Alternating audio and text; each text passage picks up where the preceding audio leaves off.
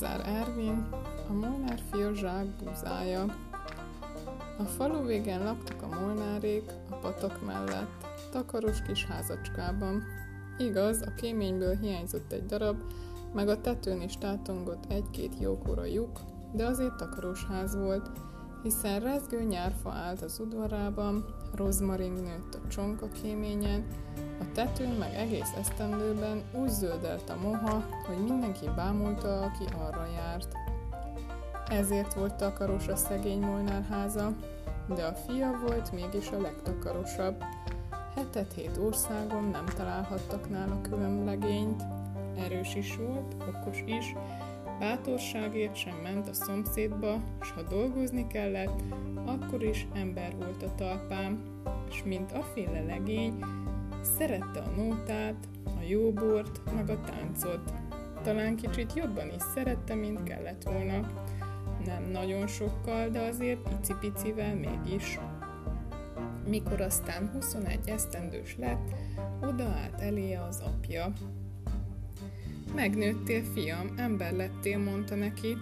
Itt az ideje, hogy megállj a világban a saját lábadon.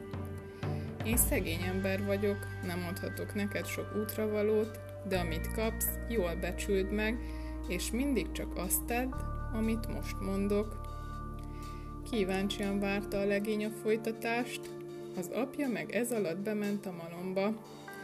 Volt itt egy zsákbúza, nagyon régen őrizték, tartogatták, akkor sem nyúltak hozzá, mikor betevő falatjuk sem volt, pedig csak ezt a zsákbúzát kellett volna a garatba önteni, aztán lett volna lisztjük, kalácsuk. Hanem a molnár soha nem engedett a zsákhoz nyúlni, pedig hely, de sokszor maradtak ebéd meg vacsora nélkül. Ezt a zsákbúzát hozta ki a molnár, a keleplő malomból, s a fia elé tette. Ez az útra valód, fiam, mondta. E, édesapám, ámult el a legény, nem jobb lenne ezt cipó formájában elvinni? Vagy eladnánk? Két tallért is megadnak érte, azért aztán mindenfélét vehetnék az úton, amíg munkát nem találok. A tallérnak zsák se kell, könnyű is, kicsi is, elfér a zsebemben. A molnár a fejét rázta.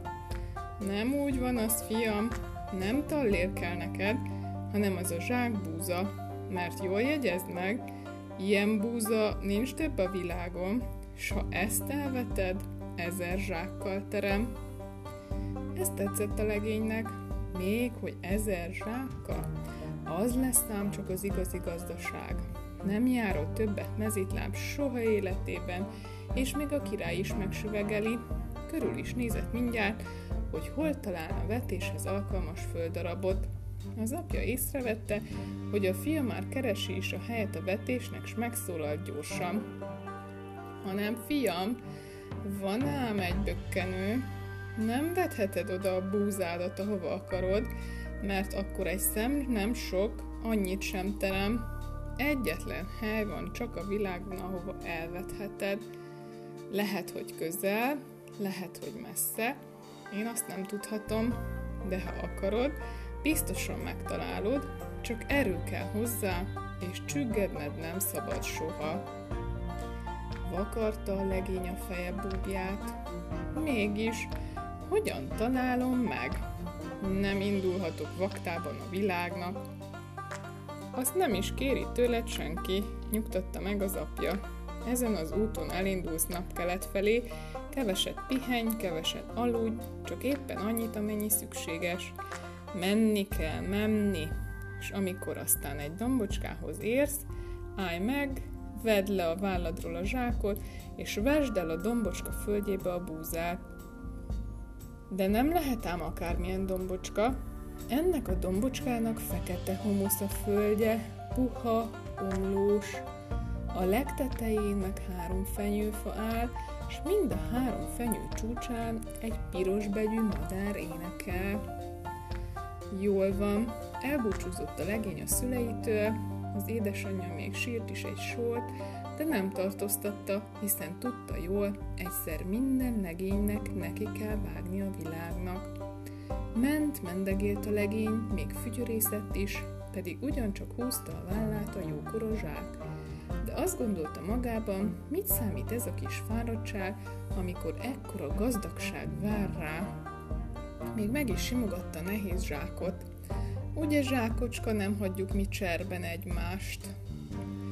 Az országút nagyon hosszú, nem lehet látni se elejét, se végét, a nap egyre feljebb kapaszkodott, nem volt az égen egy árva felhő, meleg volt, verejtékezett a zsák alatt a legény, de nem hagyta magát, ment, csak keményen. Egy kis felhő nem ártana ugyan, gondolta magában, de ha nincs, nincs, meg kell találnom a dombot. Három nap, három éjszaka ment egyfolytában, a zsák már nagyon nyomta vállát, a lába is fájt kegyetlenül. Na, most már igazán itt lehetne az a dombocska, mondta bosszusan a negyedik nap reggelén, de bizony dombocskának még csak nyoma sem látszott sem erre. Lefeküdt hát a legény, feje alá tette a zsákot, és nem sokára el is aludt. Azt álmodta, fényes hintóval állított be az apjához meg az anyjához, és olyan kéményt rakatott a házra, meg úgy befoltoztatta a lyukat, hogy a nap megállt csodálkozni az égen. El is mosolydott álmában. Kisváltatva aztán felkelt, vette a zsákot és tovább indult. Most már nem lehet messze a dombocska, gondolta, de bizony a dombocska nem látszott sem erre. Újra eltelt három nap, megint nagyon elfáradt, és már az járt az eszében, talán nem is mondott igazat az apja, amikor meglátott egy dombocskát. Na végre!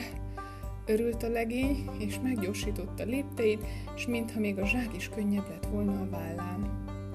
Mikor közelebb ért, látja hogy a dombocskának sárga homok a földje, a tetején meg egyetlen fenyő áll, s a fenyő csúcsán egy zöld begyű madár énekel. Ejha, csodálkozott a legény, mintha az apám azt mondta volna, hogy három fenyőt találok meg fekete földet, de hiszen itt a domb, apám biztosan tévedett. Aztán arra is gondolt, hogy tovább kellene vinni a zsákot. De hiszen más domb nincs is itt sem erre, mondta. Fogta hát a zsákot, letette, kioldozta, és elkezdte vetni a szép piros szemű magot. Szórta, szórta, még dudorászott is, bár azért a három fenyő, a fekete föld meg a piros begyű madarak nem hagyták nyugodni. Egyszer csak látja ám, hogy a zöld begyű madár elbal, elhallgatott a fenyőm, és ilyetten verdes a szárnyával. Mi bajod, kismadár? kérdezte a legény. Nem a te földed, nem a te földed, csivitelte a madár. Hely, ennek a felesem tréfa, Gyorsan bekötötte a legény a zsákszáját, vállra kapta, aztán neki az országútnak. Sokkal könnyebb lett a zsák, hiszen a fele mag hiányzott. De azért a legény mégis nehezebbnek érezte, fel sem mert nézni nagy bánatában, csak az utat bámulta egyre, lehajtott fejjel. Három hétig ment éjjel-nappal szakadatlan. A félzsák búza már nagyon húzta a vállát, a lába is kisebesedett, most már igazán megszenvedtem érte. Hol van hát a domb? Morgott magában. Elég lesz a fél búza is, hiszen még így is 500 zsákkal terem. Cifra hindőt ugyan nem vehetek, és otthon is csak a kéményt tudom megcsináltatni, a tetőt nem, de ez is több a semminél. Már-már elhatározta, hogy pihen egyet, mikor a látóhatás szélén meglátott egy dombot. Na végre! kiáltott boldogan, és futásnak eredt. A domnál megint elcsodálkozott, mert ennek a domnak barna volt a földje, a tetején két fenyőfa állt, és mind a két fenyő csúcsán egy-egy kék begyű madár énekelt. Mintha apám három fenyőt mondott volna, meg fekete földet és piros begyű madarakat, gondolta a legény, de aztán legyintett. Ugyan, honnan tudhatta volna ő? Meg aztán más dom nincs is a közelben. Ez lesz az bizonyára. Fogta a zsákot, kiodozta a száját, s vetni kezdte a búzát. Vetett, vetett, de valami nem tetszett neki. Fölnéz egyszer a fára, hát látja ám, hogy a két madár úgy verdes a szárnyával, mintha szívüket szaggatná. Mi bajotok, madárkák? kérdezte ilyetten a legény. Nem a te földed, nem a te földed, csivitelték a madarak. Fogta erre gyorsan a legény a zsákot, szaladt az országútra.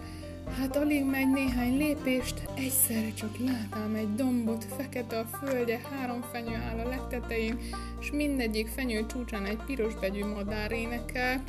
Volt öröm, mikor meglátták a legényt, csapkodtak a szárnyukkal, örömükben integettek boldogan. Megjött a mi fiunk, megjött a mi fiunk. A legény meg csak állt, szólni sem tudott. Vessél már, vessél már, énekeltek a madarak. Rád vártunk. Letette a legény a zsákot, belenyúlt, de bizony egy fiamagot sem talált. Miért nem vetsz, miért nem vetsz? kérdezték a madarak. Erre aztán ledobta a legény a zsákot, és elfutott. Fájt a szíve, majd meghasadt. A három piros begyű kismadár megholtan hullott le az ágról, a fekete földű dombocska egyszeriben kősziklává változott. Látod, látod, Molnár fia, miért szórtad el a búzádat?